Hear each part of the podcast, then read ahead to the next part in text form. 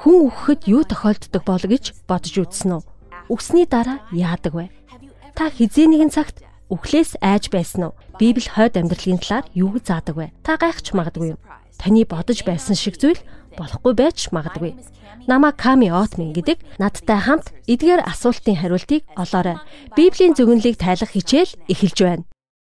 Олон улсын хамарсанга дахал өвчин нэмэгцээр. Коронавирусын талаарх сүүлийн үеийн мэдээ. Дэлхийд дахин хэд улс төржиж туйлширч байна. Авилга албан тушаалаа буруу ашиглаж байна. Байгалийн гамшиг улам нэмэгдэж байна. Австралид шатаж байгаа айн төмөр удахгүй болох гамшгуудыг анхааруулж дэлхийд юу ч тохиолдож болзошгүй байна. Энэ бүхэн юуг илэрхийлж байна вэ? Ирээдүй юу болох вэ? Олон улсын илтгэж Ками Өвтмөний цуврал лекцэнд тавтай морил хамтдаа Библийн зөвнөлийг танилцуулах аялалд гарцгаая. Тэрээр дэлхийд тойрон аялахдаа асуудал бэрхшээлтэй тулгарсан хүмүүсийг олж хараа зогсохгүй. Мөн тэнд итгэл найдварын гайхамшгуудыг давхар олж харсан юм. Ками Өвтмөний Библийн зөвнөл цувралууд лекцтэй хамт байгаарай. Тэрээр Библийн зөвнөл хэрхэн биелэгдэж байгааг харуулах болно. Зөвнөлүүд урд урдынхаасаа илүү хурдан биелэгдэж байна.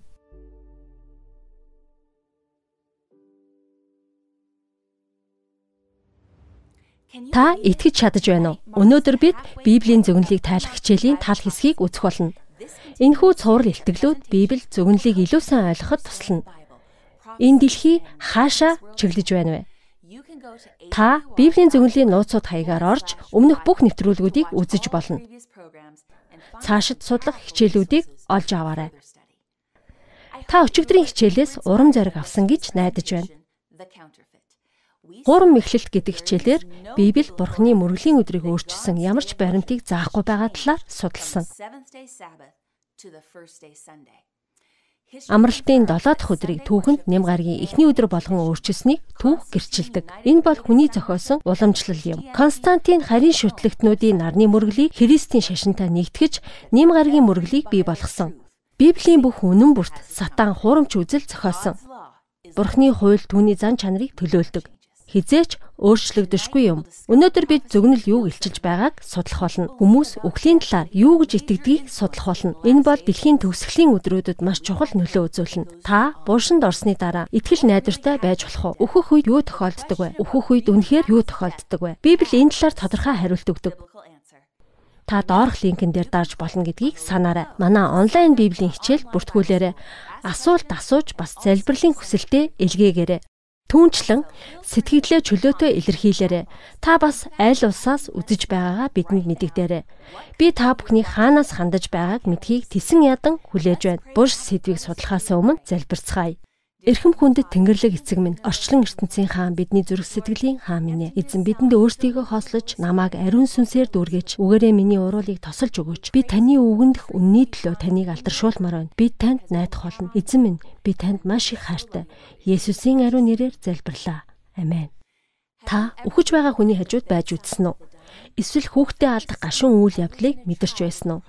Хэрв Үхлийн хар хөшиг таныг хайртай хүнээс тань хүн дээрүүлсэн бол та өгсний дараа амьдрал байдгүй гэж гайхаж байсан байж болох юм. Бид амьдрдаг, үхдэг. Тэгээ дараа нь яах вэ? Дэлхийн үүсэн бий болсон цагаас хойш амьдрал үхлийн мөчлөг хүмүүсийн зүрх сэтгэлд хоосон орон зай үлдээсэн. Өнөөдөр бид Библийн үннийг нээж үхлийн нууцыг тайлах болно. Библи түгээмэл худал хурамгийг илчлэх болно. Нас барахад юу болох талаар танилцуулна. Эфес 5:11 дээр харанхуйн үр жимсгүй үүстэй бүү холбогд харин ч тэднийг илчил гэсэн байдаг. Есүс биднийг Библийн хатуу үннээр хангасан. Тиймээс бид санаа зовж тааварлах гэж хичээх хэрэггүй. Бид үннийг мэдэж үннээр үндэслэж чадна.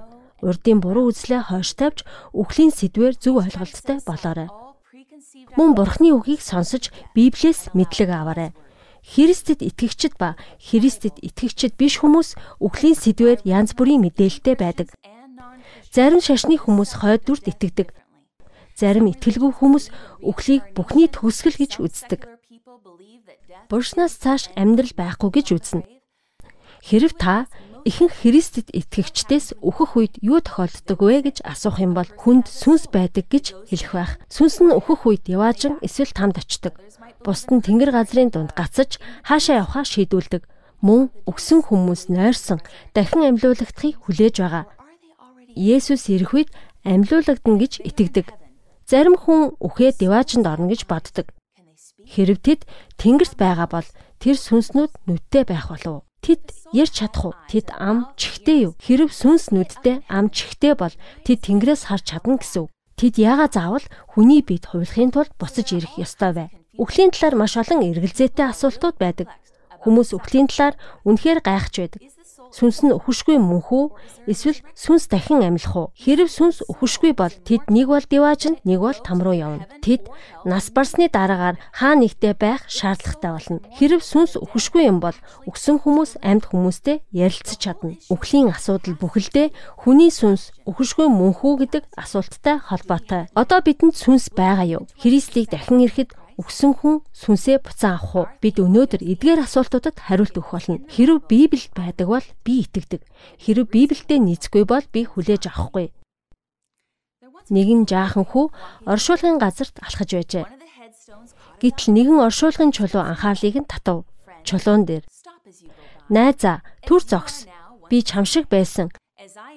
Чи удахгүй над шиг болно. Намайг дагаж эрэхтэй бэлдээрэ" гэсэн байв. Гэтэл хүү халааснаас өнгийн харандаа аваад чулуун дээр би хаашаа явж байгаагаа мэдэх хүртлээр сэтгэл ханахгүй гэж бичв. Бүх насны хүмүүс үхлийн талаар мэдхийг хүсдэг. Та өөхөхдөө хаашаа явах вэ? Библи бидэнд итгэж найдаж болох үгсийг зааж өгдөг. Энэ нь үгсний дараа юу болохыг заахаас гадна хэрхэн үхэлдээ нүүр тулах, итгэл найдар, урам зоригтой байхыг заадаг. Илчлэлт номны эхний бүлэгт бидэнд гайхамшигтай Есүсийг танилцуулдаг. Тэр гэрэлтсэн цагаан дээл өмссөн. Түүний нүд галын дөр шиг асаж. Есүс илчлэлт 1:18 дээр өөрийгөө би өгсөн боловч амьдрч би нэгэн харагтун би үрд мөнхөд байх болно. Амен. Надад үхсдийн орон ба үхлийн түлхүүр би. Есүс үхлийг ялан дийлсэн. Тэр буршны түлхүүрүүдийг атгадаг. Есүст итгэн үхэж, нойрсож байгаа хүн амьлалт руу анхаарлаа хандуулах болно. Гэвч Библи энэ талаар юу гэж заадаг вэ? Библи үхшгүй мөнхийн сүнсний тухай заадаг?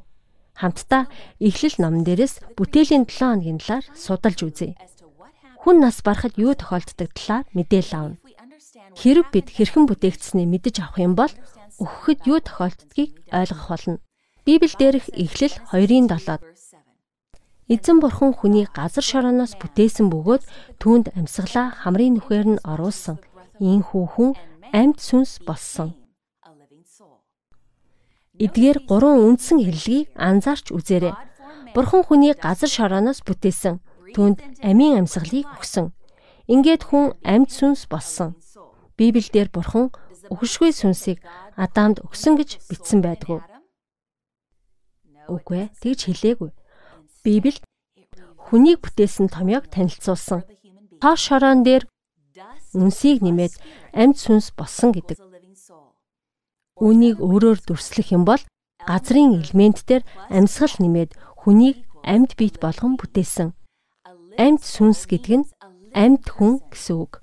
Адам амьд оршигч болон амьд хүн болсон юм.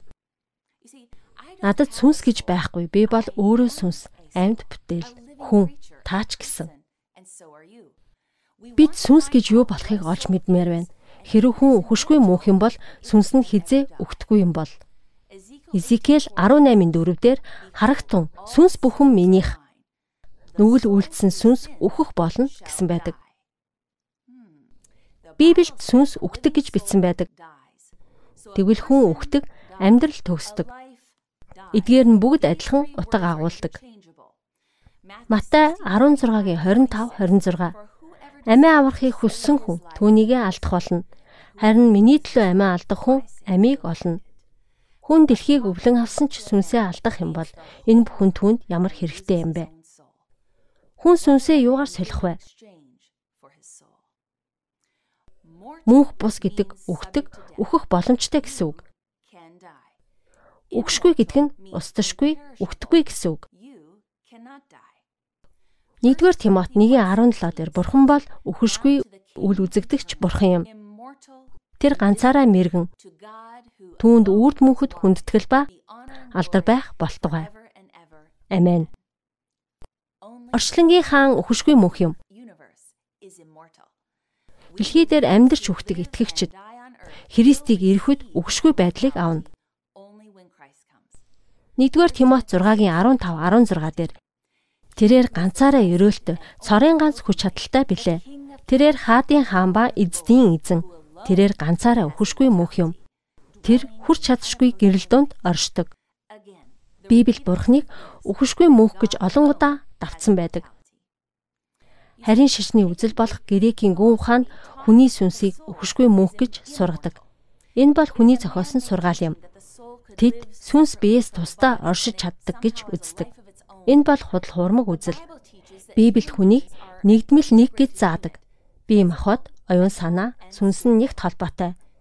Эдгээр бүрэлдэхүүн хэсгүүд нь хоорондоо салшгүй холбоотой. Хүн гурван хэсгээс бүрддэг.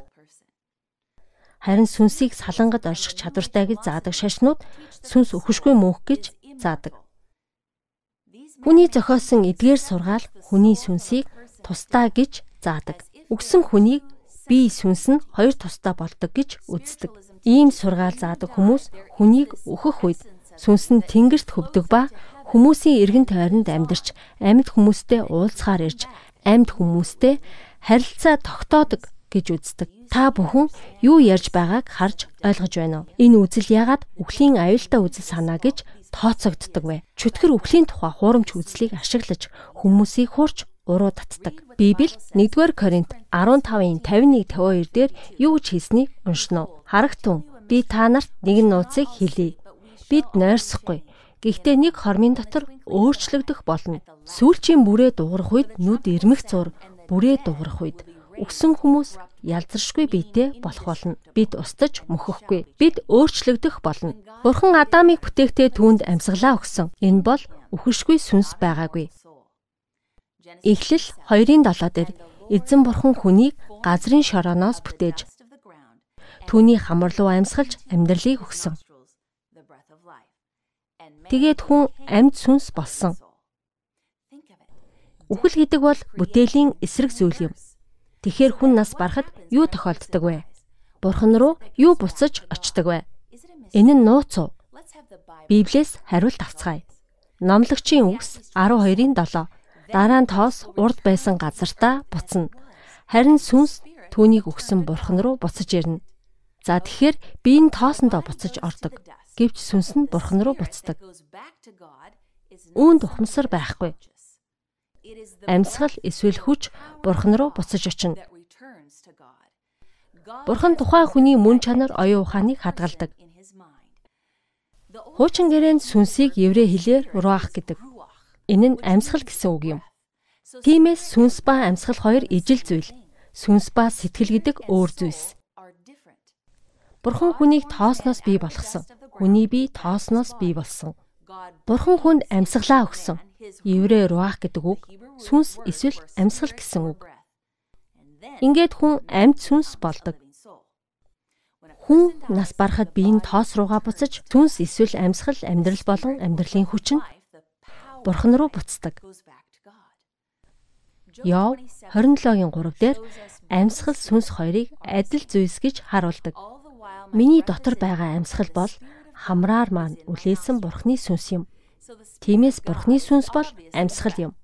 Энэ бол хамраас гарч ирж байгаа ямар нэгэн төрлийн тусдаа сүнс биш. Би үүнийг гэрлийн чийдэнгээр дүрслэе. Би энэ өрөөг гэрэлтүүлмээр байна гэж бодъё. Надад гэрлийн чийдэн хэрэг болно. Гэхдээ надад гэрлийн чийдэн асаах хүч хэрэгтэй. Чийдэн хүний бие гэж бодъё. Чийдэн асаахын тулд би гэрлийн чийдэн хүчтэл залгах хэрэгтэй. Чийдэн дангаараа гэрэл гаргаж чадахгүй. Надад тэжээлийн их усүр хэрэгтэй. Тэгэхээр амьдралын хүч нь Бурхны амьсгал юм. Эрчим хүч чийдэнгийн утсаар дамжин ирдэг. Тэр нь гэрлийг үүсгдэг. Бурхны амьсгал Адамын биед орж ирэх үед энэ нь амьдралыг бэлгэлдэг. Хэрв гэрлийг хүчтлээс салгах юм бол юу болох вэ? Хүчтэл алга болно. Бид амьсгалаа болох үед бидний зүрх цохилгоо болдог. Бид нас барахад амьсгал мөн амьдралын оч алга болдог. Амьсгал бурхан руу буцаж очдог. Йовын амьсгал нь сүнстэй гэсэн үг биш. Амьсгал нь амь гэсэн үг. Өгсөн хүн юм ухамсарлах уу? Дуулал 146-гийн 4 дээр Түүний амьсгал гарan явж дэлхий дээр буцаж ирдэг. Яг тэр өдөр түүний бодол мөхөн. Изекэл 9-ийн 5-6 дээр учир нь амьд хүмүүс өхөн гэдгээ мэддэг. Өхөгсөд юу ч мэдэхгүй. Тэдэнд ямар ч шагнал байхгүй. Тэдний дурсамж мартагдана.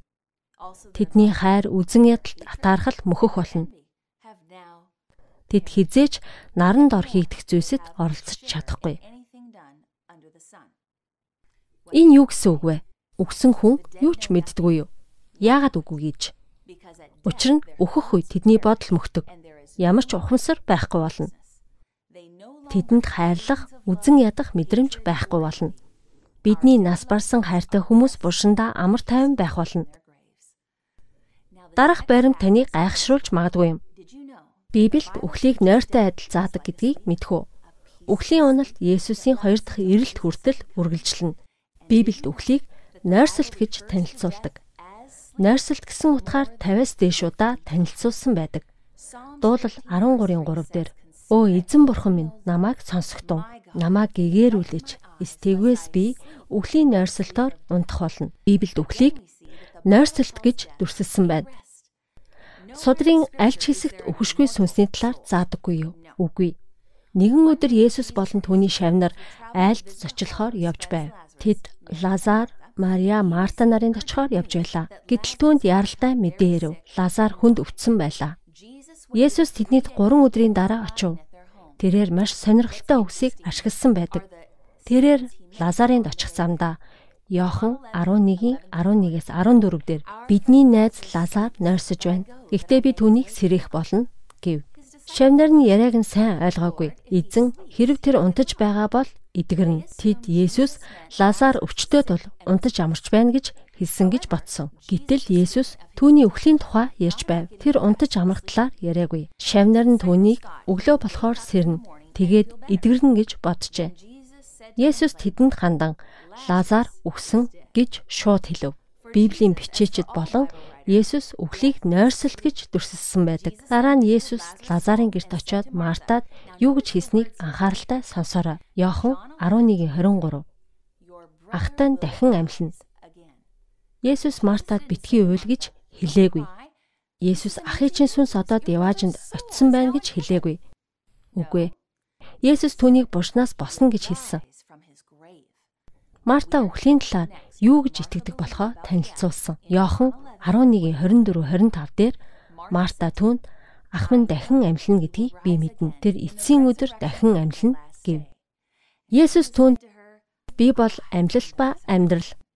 Надад итгэдэг хүн өөхөх боловч тэр амьдрах болно. Марта Есүсээр заалгаж байсан учраас ах нь дахин амьлна гэдэгт итгэж байв. Есүсийн хоёр дахь ирэлтээр өөхөксөд дахин амьлна.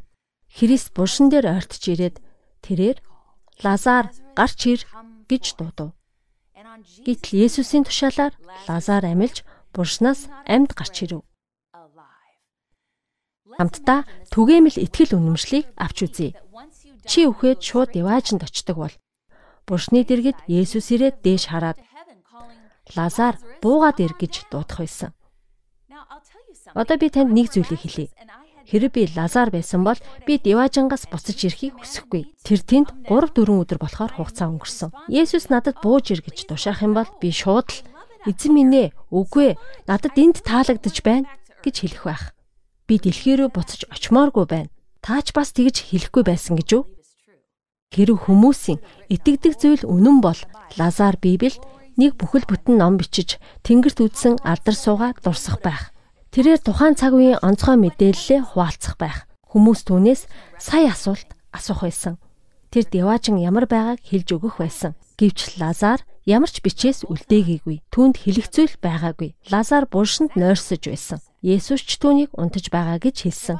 Библи Тэнгэрт нулимс асгарахгүй хүмүүс хэмжээшгүй баяр баясгалан мэдэрнэ гэж бичсэн байдаг. Хүмүүс ээжигээ диваажин байна гэж бодох дуртай гэж хэлдэг. Тэрээр над руу доош харж байна гэж хэлдэг. Хэрэв нөхөр тань таныг хүчирхийлдэг байсан бол ээж тань таныг хүчирхийлд автаж байгааг хараад хэрвээ ээж тань энэ бүхнийг диваажангаас ажиглаж байгаа бол хүүгээ хар тамхиа хэрэглэж байгааг хараад амьдралаа сүйтгэж байвал яах вэ? Эхчүүд дэлхий дээрх бүх өвдөлтийг диваачнд төвчж чадах уу? Хүүхдүүд нь дэлхий дээрх бэрхшээлүүдэд орох юм бол яах вэ? Бурхан бол нэгүсэнгүй бурхан. Бидэнд Яв 14:21 дээр түүний хүүгүүд хүндэтгэл үзүүлэхээр ирдэг боловч тэр үүнийг мэддэггүй. Хүүхдүүд нь дордохыг тэр мэдэрч чадахгүй. Дуулал 115:17-д өгсөн хүмүүс эзнийг магтдаггүй. Чимээгүй газарт орсон нэгэн юу ч мэдрэхгүй өгсөн хүмүүс шууд Деважин руу явдаггүй. Хэрэг тэд тэнгэрт байсан бол тэд их эзнийг Деважинд аваатсанд магтаалыг өргөж байх байсан. Гэвч Библиэд сүнс гэдэг үгийг 1600 удаа ашигласан байдаг. Гэхдээ сүнсийг хизээч өхөшгүй сүнс гэсэн байдлаар ашиглаж байгаагүй. Библиэд үхлийг үргэлж нойрсолт гэж тодорхойлдог. Энэ талаар ингэж бодоорой. Мис засал хийлгсэн хүмүүс мэдээ алдуулагчд хариулах үедээ тэд толгой ирэх мэдрэмжийг мэдэрсэн. Тэд олон цагийн дараа сэрдэг. Тэд заримдаа манан дунд байгаа мэт эсвэл өвдөлтийг мэдрээд юу болоод өнгөрөв гэж гайхдаг? Өвчтөн сэргэж биеийн дээрддэг. Түүний оюухан сэргийх тусам олон цаг өнгөрсөн гэдгийг мэддэг. Толгой эргэх, өвдөх хоёрын хооронд олон цаг өнгөрсөн байдаг. Тэд генет өвдөлт мэдрээд толгой нь эргээд удалгүй шууд сэргсэн гэж боддог. Өвчтөн нойрсож хэр их хугацаа өнгөрснийг мэддэггүй. Хүн өөхөх үед юу тохиолддгийг энэ үйл явдал харуулдаг. Хүмүүс өгсөн гэдгээ мэдрэхгүй байх үед тэд нэг мэдхэд Есүсийг үүлэн дунд ирэхийг харах болно. Загалмай дээр цовдлуулсан хулгайчид юу тохиолдсон бэ? Есүс түүнийг Деважинд очно гэж хэлээгүй билүү. Луг 23-ын 42 ба 43. Тэр Есүст хандан "Эзэн минь, та хаан тусдаа очиод намайг санаарай" гэж гуйхад Есүс түүнд "Үннээр би өнөөдөр чамд хэлье. Чи надтай хамт Деважинд орох болно" гэж хэлсэн. Есүс өөхөх гэж байгаа хулгайчид түүнийг хамт Деважинд тэр өдрөө очно гэж хэлээгүй. Есүс өөрөө тэр өдөр Деважинд очиагүй. Есүс буршинд нойрсож байсныг санаарай. Тэр дахин амьлалтын өглөө Йохан 20:17 дээр Есүс би эцэгтэй хараахан очоогүй байна гэж хэлсэн. Тэгэхээр Есүс улгаачид юу гэж хэлсэн бэ? Христ тэр өдөр улгаачид юу гэж хэлсэн бэ? Есүсийг цовдлсон өдөр ялагдал ба харанхуйн дунд бүх зүйл алдагдсан юм шиг санагдах үед чи надтай хамт яваачнд байх болно гэсэн амлалтыг өгсөн. Улгаач мөнхийн амьдралын баталгааг аваад нас барсан. Бурхны бусад хүүхдүүд адил нас барсан. Тэрээр агуу амьлалтын өдөр дахин амьлуулагдана. Христийн хоёр дахь ирэлтээр амлалт биелэгдэнэ. Библийн гар бичмэлүүд грек хэлээр бичигдэхдээ таслал цэггүй байв. Хэдэн зууны дараа цэг таслалтай болсон. Одоо хамтдаа Библиэд цэг таслалын асуудал үүсдэг хоёр ишлэлийг унших болно. Эдгээр ишлэлүүдэд таслыг буруу байрлуулсан байдаг. Эхнийх нь Луг 23-ын 43 юм. Таслалыг ганцхан үгний ард болон шилжүүлснээр Библийг өөртөөгөө нийцэж эхлэн ишлэлд би өнөөдөр та нарт хэлье. Чи надтай хамт Деважинд байх болно гэсэн байдаг. Хоёр дахь ишлэл бол таслал байхгүй байгааг харуулна. Үйс 19-ийн 12 эртний орчуулгад өвчтөе альчуур гэж орчуулсан байдаг. Түүний биенээс өвчтөе хүмүүст альчуур эсвэл хормогч авчирч өгснөөр өвчин тэднээс салсан. Энэ ишлэлдэр таслал тавих юм бол түүний биенээс өвчтөе хүмүүс зориулан альчуур болон хормогч авчрах үед түүний өвчин эдгэрсэн. Таслал том ялгааг бий болгодог. Тэгэхээр бид өөхөх үед бид нойрсож амьлалтыг хүлээдэг. Хэрэг бид үннийг мэддэг бол Есүсийг дахин ирэхээс өмнө бид мөнх амьдралдаа болно гэдэг бол худал сургаал юм. Зөвхөн бурхан л өхөшгүй мөнх юм. Сатан биднийг яагаад үхдэг гэж итгүүлэхийг хүсэхгүй байна вэ? Энэ бүхэн Эден цэцэрлэгт үүссэн худал үгнээс үүсэн бий болсон. Хүн төрлөختн түүний мэхлэлтэд итгэсээр байна. Хэдэн мянган жилийн дараа ч гэсэн итгэсээр байна. Түүний бузар тэнгэр элчүүд бидний нас барсан хамаатан болж жүжиглэж чаддаг. Тэд бидэнд үхсдийн орноос мэдээлэл дамжуулж сатааны худал хуурмгаар төөрөгдүүл чадна. Сатааны анх хэлж байсан худал үг нь бүүйтэг. Сатан яагаад хүмүүсийг өөхөксөд амьд хүмүүстэй холбоо ирж чаддаг гэж итгүүлэхийг хүсдэг вэ? Гим нүгэлтэй тэнгэрлэгчүүд өөхсдийн хуурамч дүрээр харагдаж олон хүмүүсийг хуурам эхэлж тэднийг төөрөлдүүлж байна Олон хүмүүс үхэгсдийг ариун гэж боддог. Сатан энэ аргаараа хүмүүсийн зүрх сэтгэлийг удирддаг. Тэд үхэгсдийн дууг сонсож хий үзэгдэл харж тэд хүний биед гайхамшигтайгаар хувилсан байдаг. Энэ бол сүнс дуудагчд. Хүмүүс сүнс дуудаж тоглох замаар чөтгөртэй харилцдаг. Тэд шившлэг хийж мэрэгтүлэг хийхэд суралцдаг. Хүмүүс ийхүү өгсдийн сүнснээс зүгтах боломжгүй болдог. Хүмүүс сүнс дуудахад ямар ч нөлөө байхгүй гэж боддог. Сүнс дуудах нь сатааны хамгийн амжилттай хуурам эхлэлт юм. Сатан үнэнийг хайраар хүлээн зөвшөөрөх хэрэгтэйг мэддэг. Үнэн хүмүүсийг ариусгадаг гэдгийг мэддэг. Тиймээс үргэлж хуурамч онол үлгэрээр үннийг булзааруулж хуурамч сайн мэдээг дэлгэрүүлдэг. Би ажлын найз Сютэй Palm Springs-ээс Дэнвер рүү өглөө нисэж байсан юм. Бид маш жижиг онгоцонд суусан байлаа. Миний хажууд нэгэн царайлаг бизнесмен сууж байв. Тэрээр өөрийгөө Ник гэж англи аялгаугаар танилцуулсан юм. Тэрээр Колорадо руу гэрлүүгээ нисж яваагаа хэлв. Ник алдартай цанийн бааз эзэмшдэг ажээ.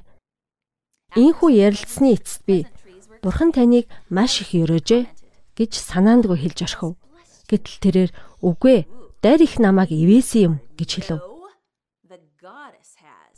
Тэгээ тэр эргэн тойрноо хачирхалтайгаар харж эхлэв. Дараа нь бид хоёр 2 цаг найрсаг боловч илэн далангүй яриа өрнөс юм. Би тэнгэрлэг эцэгтэй залбирах хэрэгтэй гэж бодсон. Надад зөв үгсийг зааж өгөөч гэж гуйв. Бурхан үргэлж туслалцаагаа үзүүлдэг. Ник баг байхаасаа л дайр ихийг шүтэж ихссэн байв. Тэрээр шулуухнаар Христэд итгэгчд бол бидний дайснууд. Тэгэхэр чи миний дайсан гэсэн үг. Би дайр ихийг шүтдэг учраас та нар намайг эсэргүүцдэг гэж шулуухан хэлж эхлэв. Би түүн рүү хараад за би бол төгс хүчит бурхны цэрэг гэж хэлсэн юм. Ингэж хэлсний дараа бид хэсэг дуугүй болов. Би Ник чи миний дайсан биш Сатан бол миний дайсан гэж хэллээ. Энэ дайнд хэн ялсныг Библи танилцуулсан байдаг. Миний найз Сю хоёр игнэний урд сууж байхдаа бид хоёрын яриаг хальт сонссон байв. Бид өглөө эрт нисэж байсан учраас хүмүүс ихэнх нь унтаж байлаа. Сю бид хоёрын төлөө залбирч эхэлсэн юм. Ник үргэлжлүүлэн Христэд итгэгчдийг устгахын тулд би бүх амьдралаараа суралцж байгаа миний хүсэл удахгүй биелэгдэнэ. Хэдэн жилийн өмнө дайр их надад ямар алхам хийхийг зааж эхэлсэн. Би энэ тэмцлийг хийхийн тулд програм хангамжийн компани байгуулсан. Тэр намайг баян амжилттай болгосон. Тэр удахгүй газраас гарч ирэх болно. Тэрээр цааш үргэлжлүүлэн би түүнд бүхнээ зориулсан учраас түүний зааврыг дагахаас өөр сонголтгүй. Ингээд нэг бит хоёр чөлөөт сонголтын талаар үргэлжлүүлэн ярилцаж эхлэв. Хүн үхээд хаачдаг вэ? Хи үзэгдэл гэж байдгүй сатааны шийдвэрийн талаар ярилцсан юм. Бид өнөөдрийн хичээлийн сэдвийн талаар ярилцсан.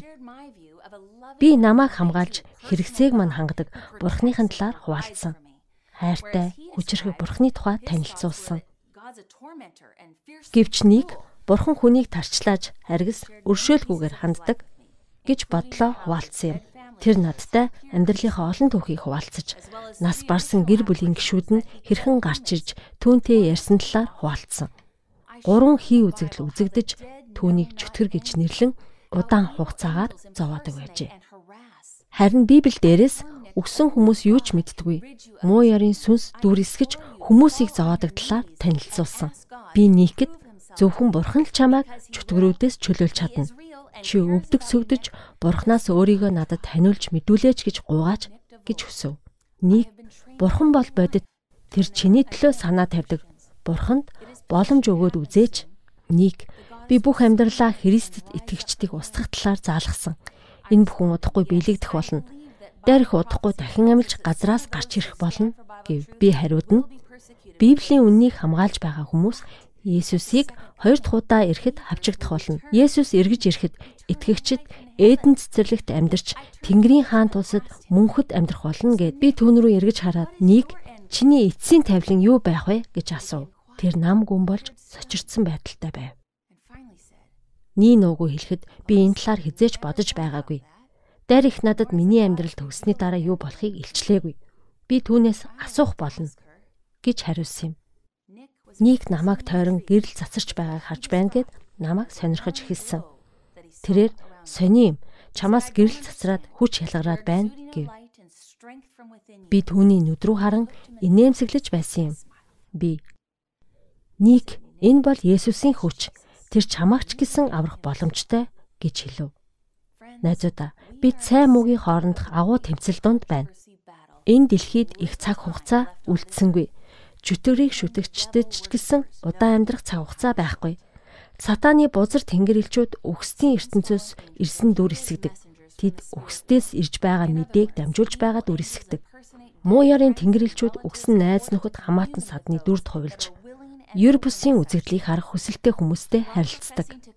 Чөтгөр амьд үхэгсдийг уулзуулах чадвартай хэмээн мэхэлж хүмүүсийн сэтгцэд нөлөөлж хүмүүсийн оюун санааг удирддаг. Сатан хүмүүсийн хамаатан сатан найз нөхдийг өхүүлэх хүчтэй гэдгийг харуулдаг. Сатан төгс хуурам эхлэлтийг зохиосон. Танил дүр төрөх үг хэллэг. Бүр дууны өнгийг бүрэн маш адилханаар дуурайдаг. Библиэд бузар сүнснүүдийг илчилдэг. Чөтгөр нас барсан иш үзүүлэгчийг дуурайж байсан тухай өгүүлдэг. 1-р Самуэлийн 28 дугаар бүлэгт Эндорын шулмын тухай гардаг. Саул хаан Филистчүүдтэй дайдахын өмнөх шөнө өгсдийн сүнсийг дууддаг шулмаас иш үзүүлэгт Самуэлийн сүнсийг дуудаж өгөхийг хүссэн. Саул сүнс дуудах нь нүгэл гэдгийг мэддэг байсан ч гэсэн зөвлөгөө авахар шийдсэн. 1-р Самуэль 15:23 дээр Бурхныг эсэргүүцэх нь сүнс дуудагчдын гин нүгэлтэй тэнцүү юм гэсэн байдаг. Саул хаан багтаа бүх сүнс дуудагчдыг алахыг тушааж байсан. Тиймээс түүний хаант улсад сүнс дуудагчид тун цөөхөн болсон байв.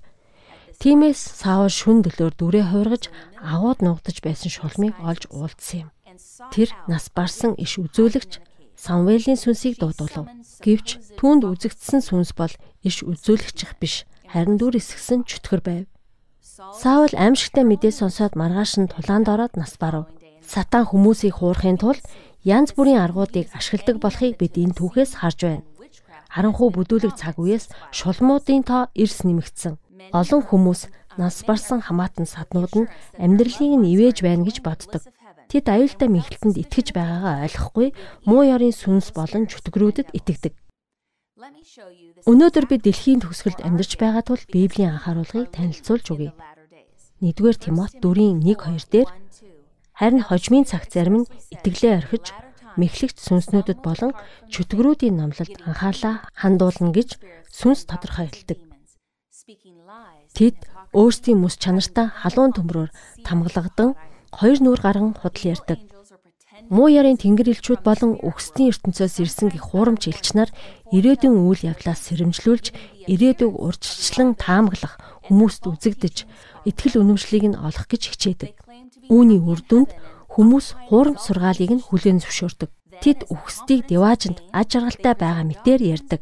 Тэд үхсдийг өндөр байр суурьнд байгаа мэтээр танилцуулдаг. Чөтгөр хүмүүсийн итгэлийг олж аваад Библийн үзлийг буруутгадаг. Хэрв танд ямар нэгэн сүнс үзэгдвэл та Библийн үннийг судалж харьцуулах хэрэгтэй. Тэдний юу ярьж байгааг анхаар. Хэлж байгаа нь Библиэд таарч байна уу? Та ийм аргаар л үннийг олж чадна. Найзуудаа Хүнийг үхшгүй мөнх гэж заадаг хин нэгэн бол Библийн дайсан юм. Номлогчийн үгс 9:5 үгсэн хүмүүс юу ч мэдтгүй гэж заасан байдаг. Бурхан үхэгсэдтэй харилцахыг хориглдог. Тэд бол хуурамч сүнснүүд. 1-р Коринт 10:20 Үгүй. Харин тактик юмсыг тэд бурханд бус. Харин чөтгөрүүдэд тактик аж. Та нарыг чөтгөрүүдийн хамсаатан болоосоо гэж би хүсдэггүй. Илчлэлт 16-гийн 14 дээр учир нь тэд бол тэмдгүүдийг үйлдэн төгс хүчит бурхны агуу өдрийн дайнд хамттан цуглуулахаар бүх дэлхийн хаад дээр гарч очих чөтгөрүүдийн сүнснүүд юм. Сүнсний ертөнцийн чөтгөрүүдтэй харьцахыг бид хоригдсан. Бурхны энэ тушаалыг зөрчсөн хүмүүс өөхөх ял авах юм. Левит 19:31 бөө болон сүнс дуудагч руу бүү эргэхтэн. Тэднийг бүү ирж хай. Тэдгээрээр бузралгадсан шүү. Би бол эзэн та нарын бурхан. Ишлэл 20:27 бөө болон сүнс дуудагч эрэгтэй эмэгтэй хүн гарцаагүй алуулах ёстой. Тэднийг чулуугаар чулууд тэд өөрсдийн цусыг өөрсдөө хариуцна. Өнөө үед Хүний сүнс үхшгүй гэсэн үзэл шинжлэх ухааны ертөнцид байр суурь олж эхэлсэн. Энэ үзэл мөн сүмд орж ирж байна. Хууль тогтоогчд хүртэл өгсөн хүний сүнсийг хүлээн зөвшөөрч эхэлж байна. Энэхүү аимшигт хуурм эхлэлт бол шинэ өнгөлн далдалттай болсон эрт цагт устгахыг тушаасан сүнс дуудагчд юм. Матай 24:24-т Хуурамч Христүүд болон хуурамч иш үзүүлэгчд гарч ирж хэрэг боломжтой бол сонгогдох стыг хүртэл төрөлдүүлэхийн тулд агуу тэмдгүүд гайхамшгуудыг харуулах болно. Хуурамч сургаалыг хүлээн зөвшөөрсөн Христэд итгэгчдийг илчлэлт номонд Вавилон гэж нэрлэдэг. Тэдний гим нүгэлд автсан гол шалтгааныг бурхан юу байсан гэж хэлсэн бэ? Илчлэлт 18:2 Агуу Вавилон нурлаа. Нурлаа. Тэрээр чөтгөрүүдийн нутгалдаг газар, бузар сүнс бүрийн оргинах газар, бүх төрлийн бузар чигшүрч шуудын үүр болсон байна. Өөрөөр хэлбэл Вавилон бол эмх замбраагүй байдлын бэлэгдэл юм. Христийн сүмийг чөтгөр болон муу ёрын сүнснүүд эзлэн авсан гэсэн үг. Сатан үнний худал хуурмгаар сольсон учраас Христийн шашин уналтанд орж Христийн сүм өхөксөд амьд байгаа гэж итгэх болсон. Сатаны элч нар нас барагсдын сүнсэнд хувилдаг бөгөөд тэднэр дамжуулж байгаа хуурамч мэдээг хүмүүс гайхамшиг гэж үздэг. Та бурхны алдраар аврагдсан сүмд яваарай. Библи өхөстийг бушиндаа унтаж байгаа гэж заасан. Тэдний сүнс үг дамжуулдаггүй. Сатан энэхүү худал үгсээрээ хүмүүсийг хуурам эхлэх хүчтэй болж тэрээр олзлох ёстой бүгдийг нь төөрөлдүүлдэг. Илч Паул бидэнд уруу таталтын сүнс болон чөтгөрийн сургаалыг няцаах хэрэгтэй гэж сануулсан. Бидний хуурам эхлэх олон оролдлого гарч ирэх болно илчлэлт номонд эдгээр бузар тэнгэр элчүүд өгсдийн сүнс гэж хүмүүсийг хуурдаг бөгөөд тэд дэлхийн хаад удирдагчдыг төөрөлдүүлдэг. Тэгэхээр тэд яагаад хүмүүсийг мэхэлдэг вэ? Илчлэлт 18:23. Динлүүний гэрэл чиний дотор цаашид гэрэлдэхгүй. Сүд залуу сүд бүсгийн дуу чиний дотор сонсогдохгүй. Яагаад гэвэл худалдаач чинь дэлхийн агуу хүмүүс байсан. Яагаад гэвэл ид хідэн чинь бүх үндэстэн мэхлэгдсэн юм. Илчлэлт 16-гийн 14-т учир нь тэд бол тэмдгүүдийг үлдэн төгс хүчит бурхны агуу өдрийн дайнд хамттан цуглуулахаар бүх дэлхийн хаа дээр гарч очих чөтгөрүүдийн сүнснүүд юм. Харамсалтай нь олон орны удирдагчид чухал асуудлыг шийдэхээс өмнө өгсөн хүмүүсээс мэдээлэл авдаг хүмүүсийн үгсийг сонсож байна. Энэ дэлхий яагаад үүмийн самуунтай байгаад гайхах зүйл алга. Дэлхийн шийдвэр гаргагчид сатанаар удирдуулж байна. Исая 8 19 20 намайг болон эзний надад өгсөн хүүхдүүдийг үзэх түн бид Сион уулан дээр оршин суугч төмөн цэргийн эзнээс Израильд өгсөн тэмдэг гайхамшгууд мөн тэд та нарт шивнэн чалчих сүнс дуудагчд болон шидтнүүттэй зөвлөл гэж хэлэх үед арт түмэн өөрсдийнхөө бурхнаас асуухгүй гэж юу амьд хүмүүсийн төлөө үхсдээс асуух гэж юу хууль хийгээд гэрчлэлт анхаарах тун хэрв тэд энэ үгийн дагуу ярьдгүй бол тэдэнд гэгээ байхгүй болжээ Библи бид үхгсэтэй холбоо тогтоодог хүмүүсийн үгийг сонсохоос татгалзах ёстой гэж маш тодорхой заадаг. Бид харин зөвхөн Бурхны үгнээс мэдээлэл авах ёстой юм. Нас барсан хамаатан саднаас ирж байгаа гэсэн үгтэй нас барсан хамаатан саднаас ирсэн юм биш. Эдгээр нь сатанаас ирдэг юм. Энэ бол маш чухал зүйл шүү. Илчлэлт номонд Бурхныг дуулууртай дагдаг хүмүүс түүний хаанчлалд орно гэсэн байдаг. Тэгэхээр Бурхан ямар хүмүүсийг эсэргүүцэх вэ? Илчлэлт 22:15 дээр Бурхан ямар анхааруулга заавар өгснийг харах хэрэгтэй. Ямар хүмүүс ариун хотын хаалганы гадна талд үлдэх вэ? Шинэ Ерүсалим. Шинэ дэлхий дээрх ариун хотын гадна ямар хүмүүс үлдэх вэ? Гадна талд нь ноход, мэрэг төлөгчд, завхаа хүмүүс, алуурчд, шүтээнд мөргөгчд болоод худлыг хайрладаг, үлддэг бүхэн байна. Хайрт найз минь үгсдийн сүнстэй холбогдож байгаа хүнийг бурхан хүлээн авахгүй. Мосегийн цаг үед бурхан ийм хүмүүсийг чулуугаар алахыг тушаадаг байсан.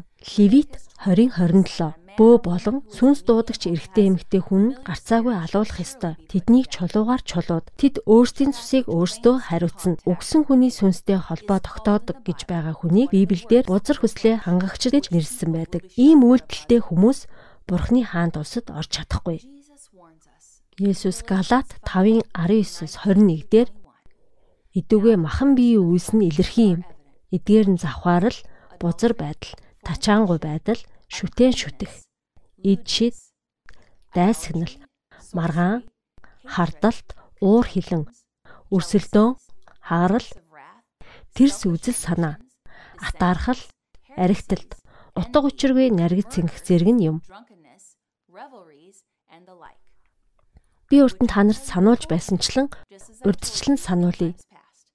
Ийм зүйлсийг үлдэгчт нь Бурхны хаанчлыг өвлөхгүй. Найз минь, би таныг Тэнгэрийн хаант улсад хэрхэн яаж орохыг мэдэж аваасаа гэж хүсэж байгаа гэдгийг сайн ойлгоорой. Тиймээс бид Бурхны хаанчлалтаа ямар хүмүүсийг оруулахгүй болохыг мэдэж авах хэрэгтэй. Ийм учраас бид өнөөдрийн сэдвийг сайн ойлгох хэрэгтэй. Бурхан бол үнний жишг. Бурхан биднийг үннийг мэдээсэй гэж хүсдэг. Тиймээс бид үннийг хуваалцахыг хүсэж байна. Тэнгэрт чөтгөрийн худал үгийг дагагсад орохгүй. Тэд хүмүүсийг үхэл рүү урууддаг. Ийм учраас Библи чагсаалт гаргасан байдаг. Өнөөдрийн судалсан ишлэлүүдэд гаднаа ямар ч гимгүй мэт харагдах сүнс дуудаж өхөксөдтэй харьцаж байгаа үйлдэлүүдийг дуурайхаас хол байх хэрэгтэй анхаарах хэрэгтэй. Өнөө үед эдгээрийг ухуулж сурчилдгүй кино, телевизийн нэвтрүүлэг гэж байха байсан. Эсвэл хий үзэгдэл, шулам, ид шидийг дүрслээгүй ном зохиол гэж байхгүй болсон. Эдгээр нь хүн мөнх оршдог гэж зааж байна өхөксдийн сүнстэй холбоо барьж байгаа хүмүүс ихэвчлэн сатааны хүчинд эзэмдүүлдэг. Найз минь болгоомжтой байгаарай. Эфес 5:11-д харанхуй үр жимсгүй ажлуудад бүү оролц. Харин ч тэдгэрийг илчлэх түн. Ранжа 10 настай байхдаа муу ярийн сүнсэнд эзэмдүүлсэн. Эцэгхэн түүнийг бөөд үзүүлсэн бөгөөд охиноо эмчлүүлэхийн тулд 10 үнэгээ зарсан. Гэвч үр дүнд хүрээгүй. Ранжа 16 настайдаа өөр муу ярийн сүнс түүнийг эзэмдэж байгааг мэдэрсэн. Тэд анхны муу ярийн сүнснээс ч дор байлаа. Тэр муу сүнснүүдийг харж сонсож байсан боловч бусад хүмүүс чөтгөрийн дууг л сонсож байв. Ранжа анхны хүүхдэд төрүүлэх үед муу ярийн сүнс түүнийг бөө болохыг хүссэн. Гэвч тэрэ татгалцахад чөтгөр хүүхдийг нь өвдүүлж өхүүлсэн байна. Сэтгэлэн төгссөн Ранжа эцэст нь бузар сүнснүүдийн шаардлагыг биелүүлэхийг зөвшөөрсөн юм. 9 сарын дараа тэрээр охинтой болсон. Ранжа хэдэн жилийн дотор маш хүчтэй бөө болсон. Гэвч тэр амьдралаа удирдах чадваргүй болж зөвхөн муу ёрын сүнсний зааврыг дагж байлаа. Түүний зан үйлээр олон хүн итгэж олон гайхамшиг тохиолдсон. Тэр буу болон сумнаас айхаа болсон байв. Мөн нутгийнхаа хамгийн нэр хүндтэй маш чинэлэг нэгэн болсон байлаа. Нэгэн удаа зэвсгэлсэн 27 настай эр гэрт нь орж ирээд зевсгээрээ түүнийг хороох гэсэн боловч гинэт өмнө хүчгүй болсон юм. Тэр матрын амыг хаах хүч чадалтай байв. Имэгтэй өөр сүнснүүдэд эзэмдүүлэхэд тэрээр голын яраал руу орж сүнснүүдтэй хідэн өдрөөр харьцдаг байв. Тэрээр амьсгалах гэж усны гадаргуй дээр гарч ирж байгаагүй. Хэдийгээр тэрээр маш хүчтэй болж хүмүүсийг эдгэж бууны сумыг зогсоож байсан ч өвдөж зовж байлаа. Ранжа нэг өдөр хоёр залуутай уулзав. Тэд түнд өөрсдийгөө цорын ганц төгс хүчит бурханд мөрөгдөх хүмүүс гэж танилцуулав. Сонирхол нь өдөөгдсөн Ранжа тэднийг даган сүмдэр очлоо. Дараа 7 хоногт дахин очив. Гэвч эмэгтэй зовлон арилсангүй. Сүнснүүдийн шийтгэлээс болж маш их өвдөж шаналж байв. Тэрээр сүм явхаа болох гэж байхдаа 7 дахь өдрийн адвентист хүнтэй таарч тэр хүн түнд Есүсийн тухай хэлж өгөөд түнд Библи бэлгэлсэн юм. Есүсийн тухай сонсох үе түнд гинт амар амгалан мэдрэгдэв. Биенд сайжирч эхлэв. Онгодууд ундууцж түнд сүнд очихгүй байвал муу зүйл тохиолдох болно гэж сүрдүүлж эхэлсэн. Ранжа Есүсийг сонгохоор шийдсэн. Муу сүнснүүд амлалтаа биелүүлсэн. Түүнийг гэрийг шатааж тэр галд бүх зүйлээ алдсан. Сүнснүүд өдөр шөнөгүй түүнийг тарчлааж байв. Тэрээр бууж өгч шулам хിവэр үлдэх гэж байхад гинт амьдралыг нь өөрчлөх нэг зүйл тохиолдсон. Тэрээр амьдралаа үрд өөрчилсөн. Ранжа Адвентист дэлхийн радио нэвтрүүлэг сонсож эхэлсэн бөгөөд нэвтрүүлгүүдийг өдөр бүр сонсож байхдаа Есүсийг дагах шийдвэр гаргаж шийдвэрээ баталгаажуулсан. Тэр юу ч болсон Есүсийг дагах болно гэдгээ илэрхийлсэн сүнснүүд түүнийг эсэргүүцээр байсан боловч Ранжа радио асаастай байх үед сүнснүүд түүнд муу юм хийж чадахгүй байгааг анзаарсан байна. Залбирал болон Библийг унших, радио сонсох үед сүнснүүд алга болж түүнийг оролдохоо болов. Тэрээр Бурхны эргчлөөтэй охин болсон юм. Ранжа хүн бүхэнд жинхэнэ эргчлөө зөвхөн Есүсээс ирдэг гэж заадаг болсон. Би түүн рүү харж түүнийг тэрэн авах үед нүд нь Есүсийг хүлээж авсныг харсан. Одоо тэр Бурхны үнний үгийг тосгон бүр тарааж байна. Хүмүүс түүнийг шулам гэдгийг мэддэг байсан ч харин одоо тэрээр Есүсийн дагалдагч гэдгээр танигдах болсон юм. Бурхны үгээр итгэл үнэмшлээ баттай болгоогүй хүмүүс сатаанд болон хуурамч элч нарт хууртагдж эзэмдүүлэх болно. Илчлэлт 3:10 Бидний өмнө шүүлтийн цаг болж шүүлтээр дэлхийг шүүн. Дэлхий дээр амьдардаг хүмүүс шүүгдэх болно. Гэхдээ сатан зөвхөн сайн дураараа уруу таталтанд бууж өгдөг. Хүмүүсийг эзэмдэх боломжтойг мартаж болохгүй.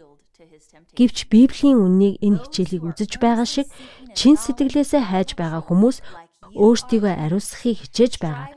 Дуулууртай хүмүүс Бурхны үгнээс баталгаатай хамгаалтыг мэдрэх болно. Эхлэлээс илчлэлт ном хүртэл Тэнгэр элчүүд үнэнд итгэдэг. Хүмүүсийг хамгаалахаар өнөөдөр ч гэсэн ажиллаж байгаа.